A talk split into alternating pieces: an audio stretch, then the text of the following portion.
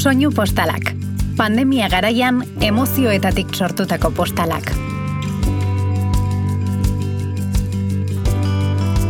Duela urtebete pasatxo, gure mundua ez ezagunatzen zerbaiten ondorioz gelditu egin zen. Ustekabean, COVID-19ak eragindako pandemia globalak aurrekaririk gabeko osasun, ekonomia eta gizarte krisia eragindu. Egun batetik bestera, gure bizimoduak erabat aldatu ziren, egoera berri askori egin behar izan genien aurre eta hala jarraitzen du gaur egun ere. Pertsona maiteen galerak, mota guztietako murrizketek, adiskidetze arazoek, autonomia galerak, bizikidetzarako zaitasunek, bakardadeak zein arazo ekonomikoek eragindako emozioak gailendu dira, baita lasaitasun sentsazioa ere. Bizi erritmoa murrizteagatik, familiara kide berri bat gehitzeagatik, gure bizilagunekin gehiago konektatu alizateagatik, edota geure burua gehiago ezagutzeagatik. Krisi honen eraginez aurre egin behar izan diegun askotariko egoeren adibide batzuk besterik ez dira aipatutakoak. Eta denek ala denek ondorioak dituzte gure sentipenetan. Testu inguru horretan sortu zen 2000 eta hogei postalak. Pertsona eta erakunde askoren indarrak helburu berarekin elkartu zituen proiektu esperimentala. Krisiaren eragin emozionalari buruz hausnartzea eta emozioen kudeak eta kolektiboak eskaintzen dien ahalmen eraldatzailea aztertzea ditu jomuga. Helburu horrekin jarri zen abian oraindik jarraitzen duen bidaiaren lehen etapa. Lehenengo etapa hori 2000 eta hogeiko guztailetik azarora bitartean egin zen eta laureun donostiar baina gehiagoren arteko korrespondentzia kate anonimo bat sortu genuen. Postalen bidez, nola sentitzen ziren azaltzeko. Orain, 2000 eta hogei postalak puntu proiektuaren webgunean daude ikusgai postal horiek guztiak, eta hilabete haietako artxibo emozional txiki ere bihurtu dira. Gaur 2000 eta hogeita bateko maiatzaren iruan, astelena, hemen Donostia Kultura Irratiko Kasares Estudioan eta orain, amarretan, bidaia honen etapa berri bati ekingo diogu. Soinu postalak deitu diogu eta egiazta dezakezunez, tinta ahotsagatik aldatu dugu. Hemen hasten da soinu postalak. Topaketarako, entzuteko eta elkarrizketarako saio esperimentala. Pandemiaren testu inguru honetan, lagun ditugun emozioi buruzko narratiba kolektibo bat eraikitzea erraztu nahi duen saioa. Sendagarria izan daitekena eta inor atzean utziko ez duena. Baltzatoz gurekin.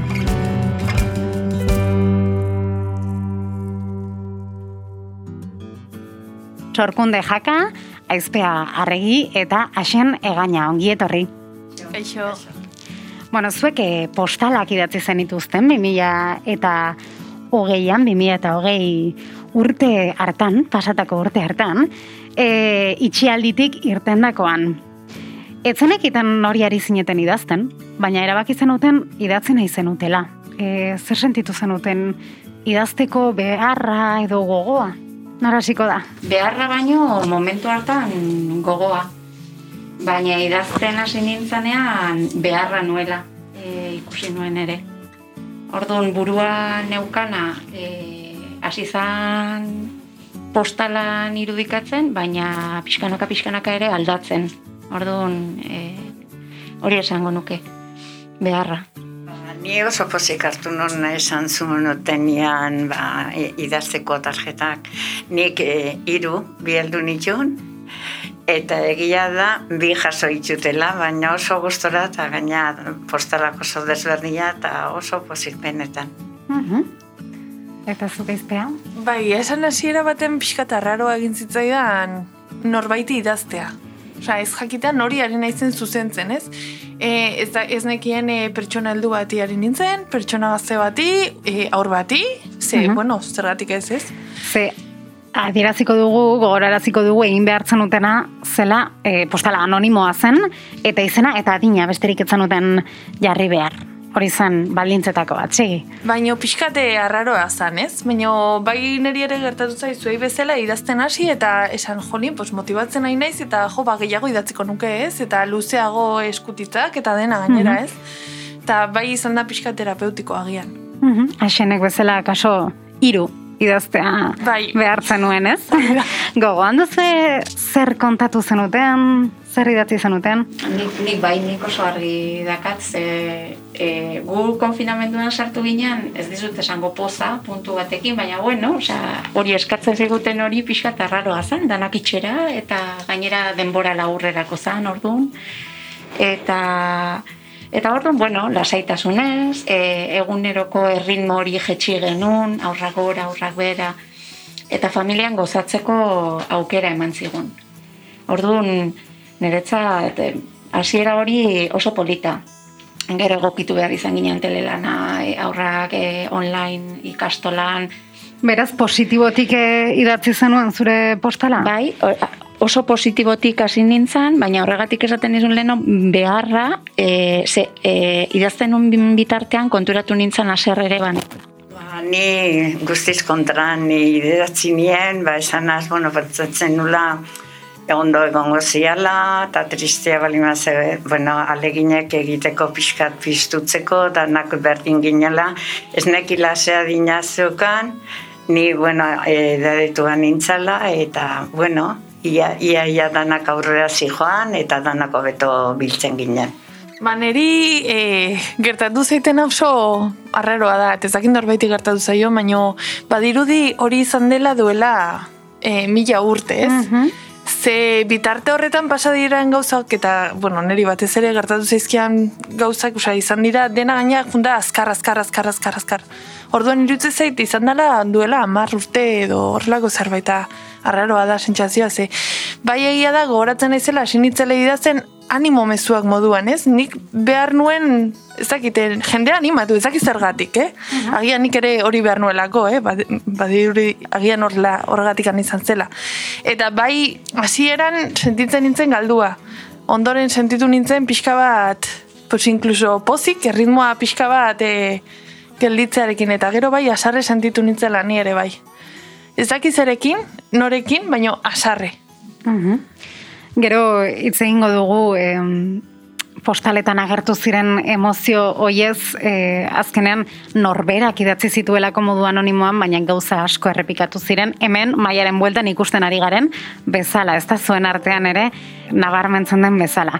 Sorkunde, osasun sustapeneko teknikaria zara Donostiako udalean, eta proiektuan parte hartzeaz gain, kontzeptualizazio eta diseinu fasean ere egon zara. E, esan dezakegu barrutik eta kanpotik bizitu duzula hau guztia.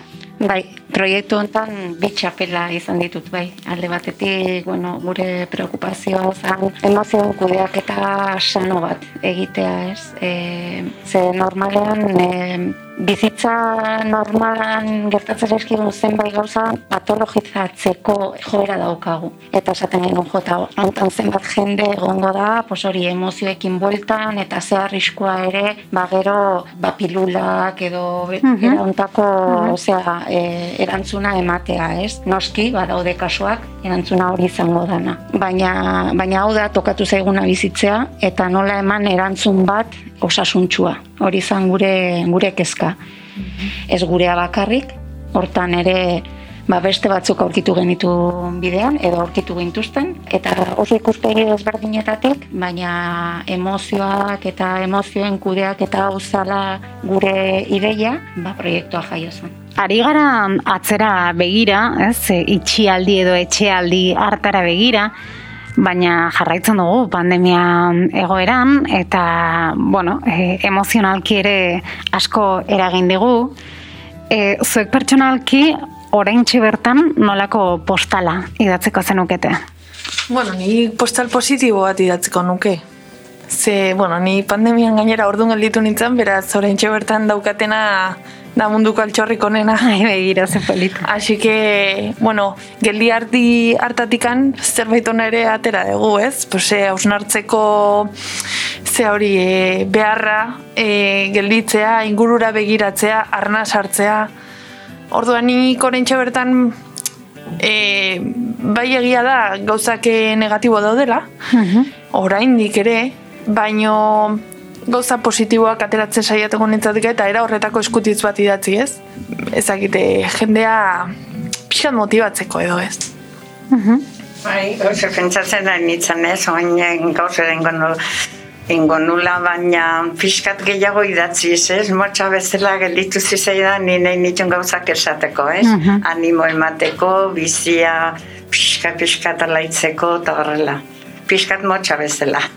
Bueno, orain badaukazu denbora, eh? Ba, bai, bai, baina esan nahi den, momentu hartan idazteko tarjeta, Mhm. otoki gutxia eta nik atzko idatzi nanun, nek esan du ezela ba, idatzi bat, ez, e, tarjeta bat. Bai, Eta bai. zer gelditu zen esan gabe.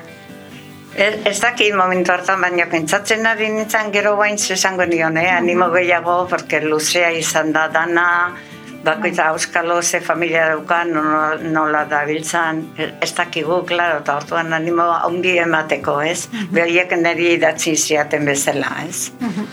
Aizpea esan duzu, hausnartzeko denbora egon dela, eta naiz eta emozionalki eragin digun, akaso gehiago fijatu edo gehiago begiratu diegu gure emozioi nola bait. Zu nola ikusten duzu, hori sorkonde, hori egia da, edo ez dakit. E, Niri kostatzen zait. Egia da, burura etortzen zaidan bakarra da, zenba denbora galdu degun, amar urte ont, hauetan. Bai, bai, bai, bai. Baina gero, Aztan zea hausnartzen, eta esatezu, galdu, galdu ez dugu. Ez dugu galdu, galdu ditugu gauzak, gazte galdu dituzte gauzak, baina e, ba hori, ba igual zaintza, elkarri zaintzeko ideia hori mai gainen jarri da, zaintza sareak sortu zian. Nik uste egon dirala gauzak eta emozioi erreparatzeko ere ematen dizu. Baina batzutan nik niri iruditzen zait eman behar dirala aukerak. Ni idazten hasi ez nintzen bitartean, ez nintzen Mhm. konstiente izan. Sentitzen nun hor bueltaka eta esaten nuna ez dakit burutik agian gehiago de jo, ba, pozik nago, ba, Bai, ba bueno, ba venga, osea ezin gea kejatu, ez? Ezin gea kejatu beti bueltaka hor ezin gea kejatu, kejatu. beste batzuk okerra, okerrago daude. daude, eta bueno, et, baina azkenean esaten dut, baina ere aserre nago. Mhm. Baina e, niretzat aukera izan zan hor. Zer ezagutu duzue zuen gandik?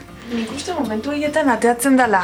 Nola baitiko estres momentuetan ateatzen da norberaren onena eta norberaren txarrera. Eta nik uste balio izan dula auto ezagutza bat aurrera eramateko, ez? Nik ego, egokitzek, erkatu. Eh, ni pentsatzen ari nintzen momentu haietan, ni bakarri bizi naiz, bueno, familia hundia daukat, eta beti nor- norbein neukan esaten un polizia neukala etxean, ez. Baina nire inguruan bizi da jende edadekoa, eta abez nola bait nola lagundu dezaket, Osa, oiei laguntzeko, naiz da nera dina izan, baina, bueno, bakarri daude zelako. Eta hori lortu dut, oso poziraina, Ze ongi, bai. ze ongi. Nik egokitzeko almena, ze ni naiz dana programatzen dut, dana denborarekin egiten dut, dana oso alemana naiz hortan, eta hemen ezin da. Osea, daramagu denbora asko plan, planeatu eta gauza ezin dirala. Orduan, bueno, egokitzeko almena antza badut. Ba, sorkunde jaka, izpea arregi eta hasen egainarekin ari gara, baina entzule, zu ere izan zintezke hemen bainaren bueltan e, egongo zena, eta seguru identifikatu duzula zuregan ere orain arte entzundako bizipenik. Bada, hori ere egin zuten 2008 postalak proiektuaren lehen fasean, banaka-banaka parte hartzaileen mezuak aztertu, diskurtso kolektibo bat eratzeko gero. Tentu handiz landutako prozesuari, ilustrazio batek eman zion azken ukitua. Ainara azpiazu aduriz, aspiez izenez ezagunagoa den ilustratzaileak egina. Egin diezaiogun bisita. Postal badaukagu, esku artean eta postal honetan ikusten dena da ba, esku bat, postaleko hitzak idazten ari dena. Seioan gazti baten irudia dago eta izenburua ere bai, 2008 postalak. E, zabaltzen badegu, nabaritzen da postala desplegablea dela edo, eta zabaltzen hasten bagera, ba, ikusten ditugu zigilu ezberdinak, eta zigiluetako bakoitzean persona ezberdina dauzkagu batzutan elkarrekin harremantzen direnak, beste batzutan berriz ez. Eta, bueno, zigiluen goiko partian azaltzen dira elbide batzuk edo donostiko auzo eta kale ezberdinen izenak ageri zaizkigu. Zigiluetan dauden personek gauza ezberdin asko adierazten dituzte, batzuk misiltasunean daude, e, leioak ere izan daitezke zigilu hauek eta batzuk e, isilik daude, beren buruekin, lasai. Beste batzuk berriz angustia puntu batekin daudela dirudi. Leiotik begira, zerbaiten esperoan, zerbaiten zai. Beste batzuk leio ondoan idazten ari dira. Badago bata besteari laguntzen jaten ematen laguntzen ari zaion zigilu bat ere, landareak zaintzen ari dena, liburu bat irakurtzera lehiora hurbildu den beste bat ere badago, arropa zabaltzen ari den gizon bat ere badaukagu, lehio ertzeraino hurbiltzen ausartzen ez den gizon baten irudia ere ikus dezakegu zigiluetan, beste batzuk elkarri besarkatuta daude. Ez dakit elkarri eustxiz eta bada besarkada kemenezko besarkada bat edo. Konta iguzu orain nola iritsi zaren ona eta nola egiten duen aspik hasiera batean e, ari bat jarraitzen ez duten, bueno, kasu honetan postalak edo kontaketa batzuei modu uniforme batean ba, irudi bat egiteko. Nola egiten duzu? Eskaera jaso nuenen lanaren eskaera, parte hartu zutenen e, sentipenak ere adirazten zituen txoste bat pasazidaten eta nire lanaren parte da guzti hori bateratu eta irudi bakar batera ekartzea, ezta. Orduan, bueno, ideia ezberdinak bilatu nituen, ari bat bilatu behar nuen guzti hori lotuko zuena. Eta pixkana pixkana idea ezberdinak eukin nituen, baina indar gehien hartu zuen idea izan zen, ba hori postalak zirenez, lehioak izan zitezken zigiluak egitearena, eta aldi berean zigilu ezberdin askok etxe bat eman zezaken kanpotik ikusia. Eta horrek nola ere ari bat sortzen zuen batasun bat zegoelako eta batasun horren barrun e, anistasun bat e, adirazteko aukera ematen zuen idea horrek. Ordun lanaren enkargua jasotzean pixka bat nire bete beharraren zati bat bada hori ez? Bilatzea formula bat ba hori kolpe batean gauza guzti hauek bildu dezakena grafikoki zigilu edo leio hauetan ikusten duguna zer da irakurri edo jaso duzunaren irudia zuzenean edo zuk irakurritakoaren interpretazioa da. Saiatu naiz irakurri detena bere hortan ez asko interpretatzen, beste emozioak ziren, lan bat egina bazegoen, ikerketa lan bat bazegoen horren atzian, nola baitere, eta nik nire lana kasuntan ez dut ikusi hori interpretatzea, baizik eta hori hori e, isladatzea. E, nola baitere, persona horren emozioei emozioekiko zintzotasun bat izan behar nuela ikusi nuelako. Ez, ez nik nola bizi deten aurre kontatzen, beraie kontatzen didaten hori, baizik eta beraie kontatzen didaten hori nola adiraziko deten nere bidez. Eta zuk egin zenuen ariketa hori, nolakoa izango litzateke zure leio partikularra? Nik uste dut nire leioak, leiotxoak ere bazituen edo, edo bueno, hau gehien bat e, izan zen e, e, konfinamenduan e, osea, etxealdian ginaneko ariketa bat edo etxealdian ginaneko epe hortan sortutako emozioen araberakoa ez. Eta irudintzen zait, ba, hor eukinitula fase ezberdinak. Eukinuen fase bat oso aktiboa, yoga egunero, batzutan bi aldiz ere, gero eukinuen beste fase askoz ilunago bat, tristura, ardura, maite ditudan hoiekiko ere, nere buruan utxune antzeko sentitu nuena ere egon duzan. Gero utxune hori pixka bat ba, beste ikuspegi batetik hartu nuen beste fase bat ere egon zen, eta hortik zerbait atera nuen, ez? denetik egon zen. Leio bakar batean gauza asko pasaziren ere kasuan. Eta postalako gehi hogei proiektura eta lehiotxo ezberdin hauetara bueltatuta, zuk ilustratzen dituzu ipuñak, bestelako kontaketak ere bai, ez dakit postalak inoiz ilustratu zenituen? Ba ez, lehen biziko aldia. eta proiektu honek eh, ez dakite berezitasunik izan du zuretzat, eh, zer izan da ezberdina? Izan da ezberdina, piezaren formatua bera ere diseinatu behartzela pixka bat helburuaren arabera. Osea, pentsatu behar genuen poster bezala funtzionatuko zuen zerbait, desplegablea izan behartzen zerbait, eta kasu hortan, ba, ba objektu bat ere bazen, osea, etzen bakarrik ilustrazio bat egitea, baizik eta funtzionatzen duen objektu bat diseinatzea, ez? Eta, bueno, gustatu zait beste dimensio batean ere lan egite hori, berezia izan da, eta, bueno, ba, eramaten du ingenioa edo sormena beste plano batzutara ere, eta oso polita iruditu zait. Uh Jaso zenituen postalak, e, banan-bana irakurri zenituen eta gero antzekotasunak, ezberdintasunak identifikatu zenituen, edo nolako izan zen e, prozesu hori, eta identifikatu bat zenituen antzekotasun horiek zein izan ziren?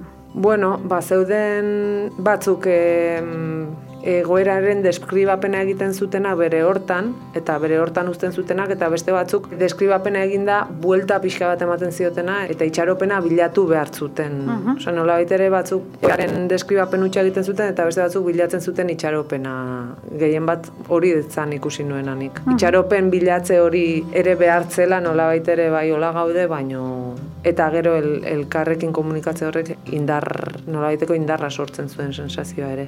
Ba, bukatzeko aspi, zergatik da garrantzitsua artea eta kultura kontuan hartzea memoria kolektiboa eraikitzeko? Bueno, arteak bizipen personalekin eta kolektiboekin ere lotura handia duen zerbait da, iruditzen zait emozioak espresatzeko toki ematen duela arteak eta hori dala bere helburu nagusietako bat. Eta ba, memoria kolektiboan hori kontutan hartzea ere oso garrantzitsua da, ez dira askotan ba, bueno, gertaera hutsak ez dira bakarrik ez, baizik eta emozioek beraiek ere gure barruan e, sortzen dituzten beharrak edo e, adiraztea garrantzitsua dela iruditzen zait eta arteak e, horretan toki handia duela ikusten denik. Ba, hemen utzi behar dugu bisita, ainara azpiazu aduriz aspi, mila mila esker zure lehioa zabaltzeagatik. Eskerrik asko zure gonbitaren gatik.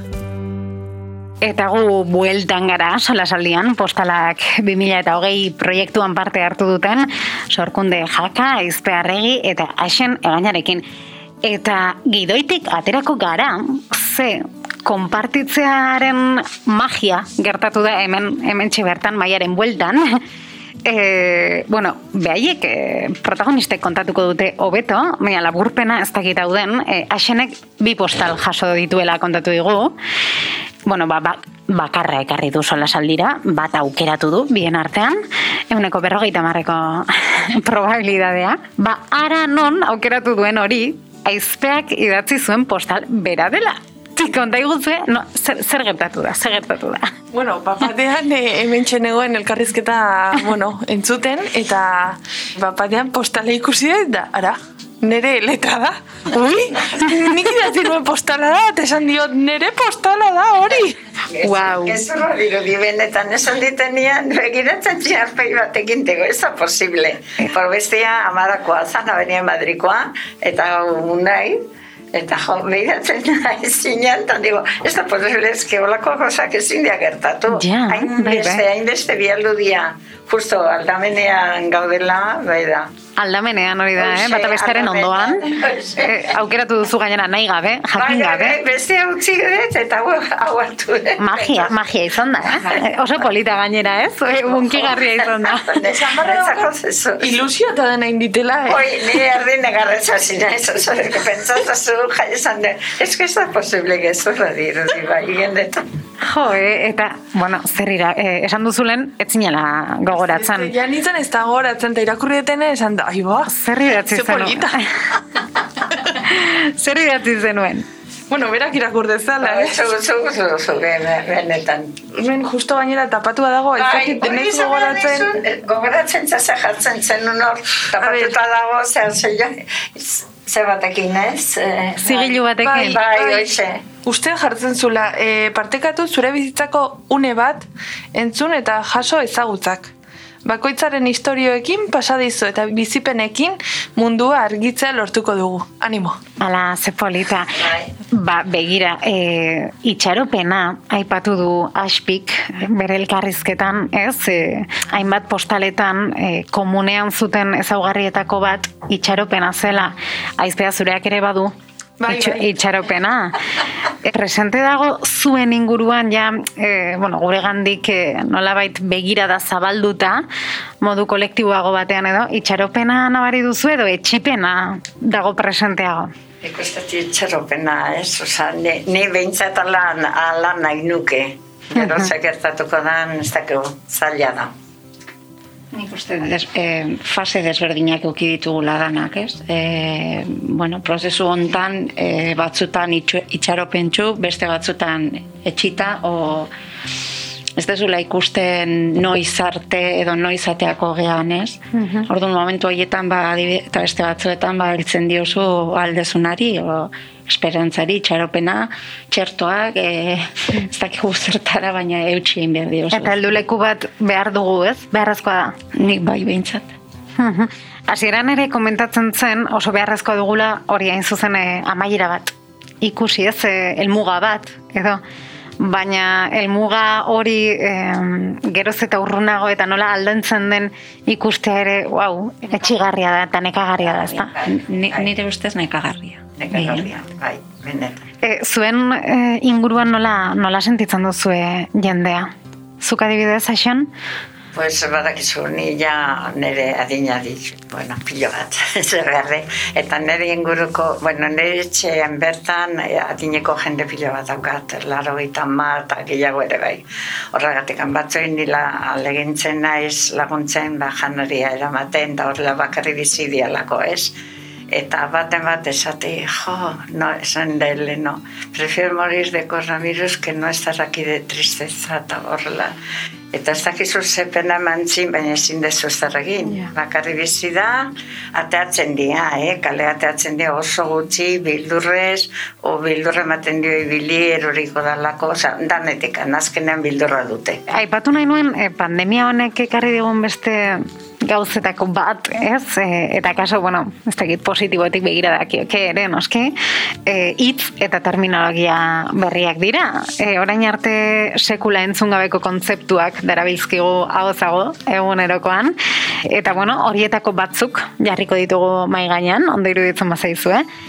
Proposatuko dizuet bat, akaso negatiboagatik, dijoana, etxeratze agindua, adibidez, ez, e, luze da, agindu hori indarrean dela, eta ez dakit e, pertsonalki diot, nola baitu ditu egin gara, edo nola ikusten duzue? Triste samarra da, baina itxeratze horrek pertsonalki ez dit asko baldintzatzen. E, nagon momentuan nire bizitzan ez nagoelako baldintzatzen, esan dut udara nagia gehiago, baina et, ba, hori nire bizitza familiarra eta dala ba, ba goiz juten gea etxera. Ez baina ni gazteak ikusten ditu danean adibidez.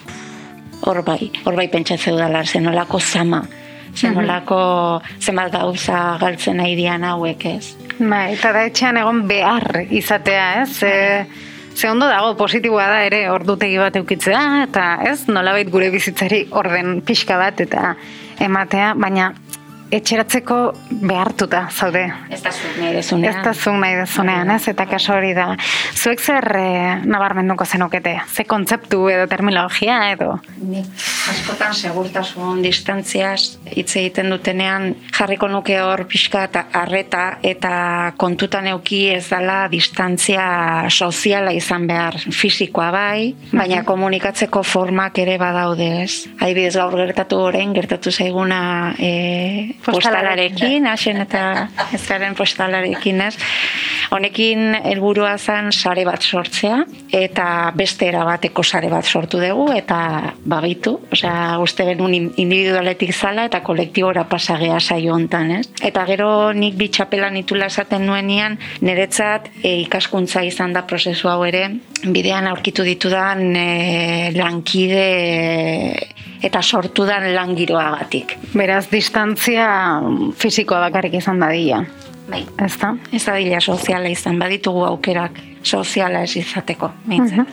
Ni leheno komentatzen nun, e, ni ditu du amagostilloa, baina justo... Hamabosten? Bai, justo amazazpi emezortzi urtekoak, dia gehiena esan dietena, moina ze triste da familia ez alkatzea. Aha. O, bioiek, oza, ez gaztago eta ez helduagoak, eh? Bioiek eta zen, jo, pues, beira, adinen gauza da, kadia, handia, ez diana tabernara juten, ez diana inora joaten, orduan da, pixka ba- bakardadia handakatena, ez? Eta etortzen dea nire bisita itea, eh? Oza, hori bai, pensatu, baina danak izbiltzea moia ze tristea, ez? Baina, bueno, aiatuko da egun batean alkartuko gehala berriz, zesango diozu, ez dakiguta. Itxaropena. Hoxe, hoxe, nik lehen esan detena. Bueno, ni puntu pixkat positiboa jartzearen, e, irutze zaite, bueno, lehen aipatutako hausnarketak ere eraman gaitula sormen bideak edo irekitzea, ez? Net esan, e, barruan guztiok daukagun sormen gaitasun hori, musikaren bidez, e, inkluso txaloen bidez, bizilagunak ezagutzeko aukera izan dugu, ez? E, postalen bidez, pertsona berriak ezagutzeko aukera izan dugu. Orduan, puntu positibo bezala irutze zait e, sormenaren bideak irek egin ditugula. Eta esplotatzen ari edala eta gauza politak ateratzen ari dela hortikan. Gerora, espero dut e, garatzen jarraitzea ere bai, ez? Mhm. Normaltasun batera voltatuko bagera ere. Baina hori puntu positibo bezala. Eta honek eh, guztiak esaten da, ez? Posoak edo arrastoak utziko dituela gugan, esorkunde baduzkazuela identifikatuta. Zalantzari gabe, baina posoak ez dira negatiboak izan behar bakarrik. Ez, ez. eh? E, nik uste e, ikasketak ateako ditugula hemendik, nik uste mai gaineratu ditugula zenbait gai, eutxi behar diegu ma, e, gai hoiei. Eta saiatuko gara, atozen kapituluetan ere, pixka bat eh, denbora gehiago eskaintzen, eh, gai horietako Bai, bai. bakoitzari. Bai, nik, nik uste e, posoak bai, bai, eta, eta bueno, hoietaz hitzein behar da gainera, ez? Ze barruan uzten ditugunean, ditugunean agian da mintzen gaituzten momentua. Ba, irukote bukatzen joateko, zuen parte hartzerekin, hori argi utzi behar dugu, etorkizunera begirako memoria kolektibo bat ari garela sortzen, eta, eta parte hartze hau izan dadila, gero kanpoan ere, sare bat, eta, eta jendeak ere egin dezala ariketa ez? Emai baten bueltan jarri eta eta hitz egin dezala. Nola sentitzen zara, hortik hasi eta, ba, ez non bota- bokatuko denez. E, beraz, eskerrik asko. Eta, eta hori, eskatuko dizuete modu eraikitzaile batean, e, aizpea, bai. Zer eta nola kontatuko zenioketen e, bizitzen ari garen hau guztia belana, belaunaldi berrienei. Zure aurtxo jaio berriari, adibidez. Bai, e, nire bikotearekin, e, bueno, desentetan hitz egin dut honi buruz, eta berak e, dio, hemendikan urte batzutara, gure e, hortxori e, e, kontatzen diogunean begira, gu egunean e, etxean sartuta, atera gabe, e, ez da izen denbora, eta ondoren hau pasa zen, eta horrela joaten ginen kaletik, eta hau gertatu zen. E, ez duela sinistuko. E, zientzia fikzio izango dela eta askotan ematen diogu buelta horri, eh? Baina ogia da ere, agian e, gu gehu, osea, gure inguruan ditugun lagunak, bizi lagunak, familia, guztiok atera gerala indartuak ontatik. Eta irutze zait, nola, osea, zergatik ez, ez? Hobeak e, izaten e, bukatu degula, ez? Bueno, bukatu edo jarraitu degula, ez? Eta horrek emango diola e, gauzak hobetzeko gogo agian, agian. Ezaila da, bueno, ni, bueno, gazte asko ditut etxean, horregatik baina ikusten dut, eh, hartu emanak askoz um, handiagoak izan diela. Osa, beti daukaten norbait goiz arratsalde bat ez da, baina beti, eh? Eta askotan hori esan duten aleno zer da, polizia, behatet etxean, niri zeintzeko, ati, zer da, zaharrago naiz, o zergatik, no, amoi, ez esan nolakoa, nahi egu ondo egotia. Bueno, eta gero eta hobeto, eh, amoni egongo gea, bai, bai, bai, maitiak, eta. Jo, Eta ze ni ondo. oso pozik, ez bazien etotzen kajatu ingo nintzen. Baina nola etotzen. Agian horregatik egiten dut. Bai, claro. Ez, ez, ez. Seguro nago Ez, ez, apropos esaten diot, ez bazien, esaten diot, behaiei, ez bazineten etortzen, bueno, alako muturra jarriko nizuen, baina hoixe da, hoixe. Nik uste dut ere arreta puntua jarri behar degula e, jende e, asko dagola e, oso egoera txarrean ere. Bai.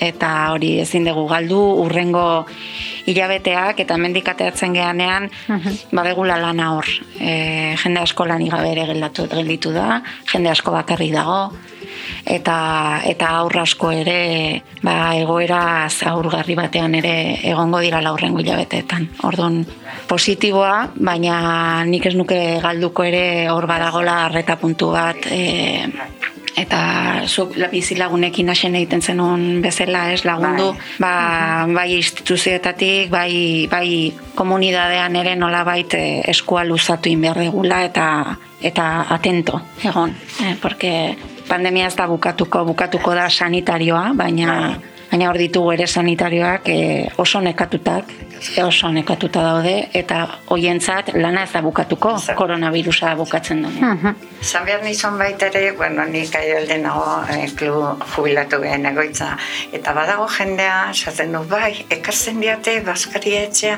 baina hori ez den nahi. Baskaria atarian usten diate eta konpran, baina ni uste nahi, ni nahi den, hori, kaialdi irikitzea, itxita zegoenean, eta ara joan hartu emana jendeakin, eta horrela lehenago juten naiz, bazkaldu iten eta gero etxea, eta hor, jasa, eguna pasatu ez, baina etxea ekartzea ze triste, nola bakarri bizi naiz. Ni hori gelditu zaidan egia da, arrazoia daka, ez? Da nahi intentzioten oso ondo, baina bakarradea. Eta hori guztia gogoratu egin behar da, ez? Kontatu egin behar da, egokia ez den hori, ba, hobetu eta berriz gerta ezadin e, lortzeko. Bai. Sorkunde jaka, aizpea arregi eta asen egaina plazerra izan da, mila, mila esker, eta besarka da bana. Beste Mila esker. Eta zu, nola sentitzen zara? Zure ahotsa ere entzun nahi dugu.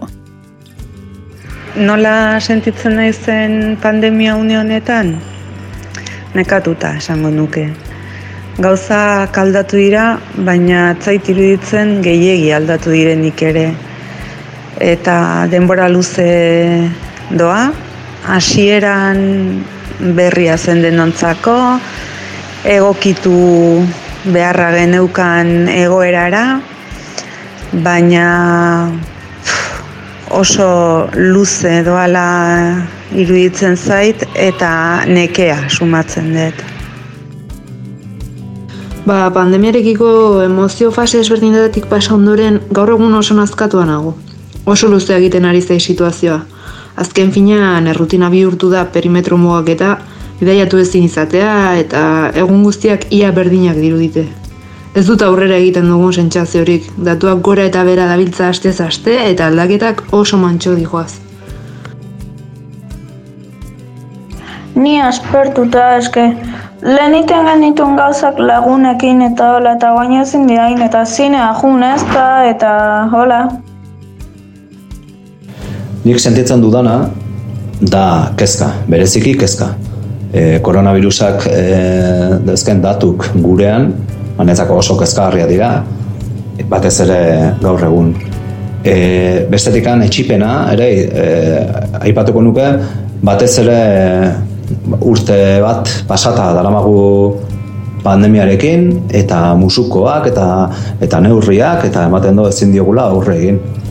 Eta gero bukatzeko pena. Pena ba, ba bueno, ingurukoak eta eta jende asko hil delako e, gaixotasun honengatik. Orduan nik hiru hiru sentimendu horiek esango nituzke pandemiaren aurrean. Ba, nik asko sentitzen dut, baina pandemiak erakutsi dana da jendeak dakan bereko ikeria. Zen hasiera baten mundu guztia zeon e, ondokoari laguntzeko prest, e, beregan zeon guztia egiteko prest, baina denborarekin erakutsi dute ez dela ala. Bakoitzak bere buruan pentsatzeu, eta tristea da, baina ezin da, ezin da ingurukekin kontatu gehien bat. Lagunekin tari bai, baina soziedade bezala niri gutxi erakutsi date. E, nik ondo nago, zeba maite dudan jendea ez dago hilde ez da gaixotuta. Baina nago biatuta nago maskarillarekin, maskarilla jantzita eukitzea ordu asko. Partekatu zure bizipenak. Bidali ahots mezu bat 6 zazpi lau, lau bi lau, lau biru WhatsApp zenbakira, edo utzi mezua erantzun gailu automatikoan 6 zazpi lau, lau bi lau, lau hiru. Zu ere, soinu postalen parte zara.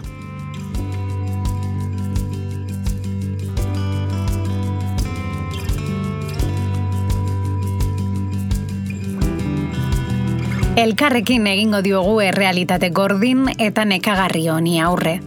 Eta nola sentitzen garen adieraztea bakarrik oso askatzailea izan daiteken ez, jarrai dezagun batera, ilunak eta argiak elkar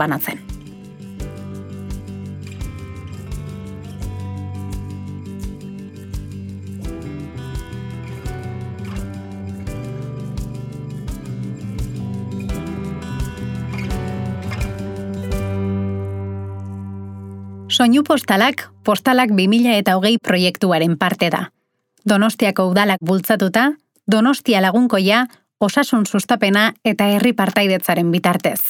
Emaus Fundazioa, Tabakalera, Gipuzkoako itxaropen telefonoa, Kutsa Solidarioa eta Donostia Kultura Irratiarekin batera. Atalonen podcasta edo besteren bat online entzuteko, proiektuaren webgunea bisita dezakezu. 2000 eta hogei postalak.eus.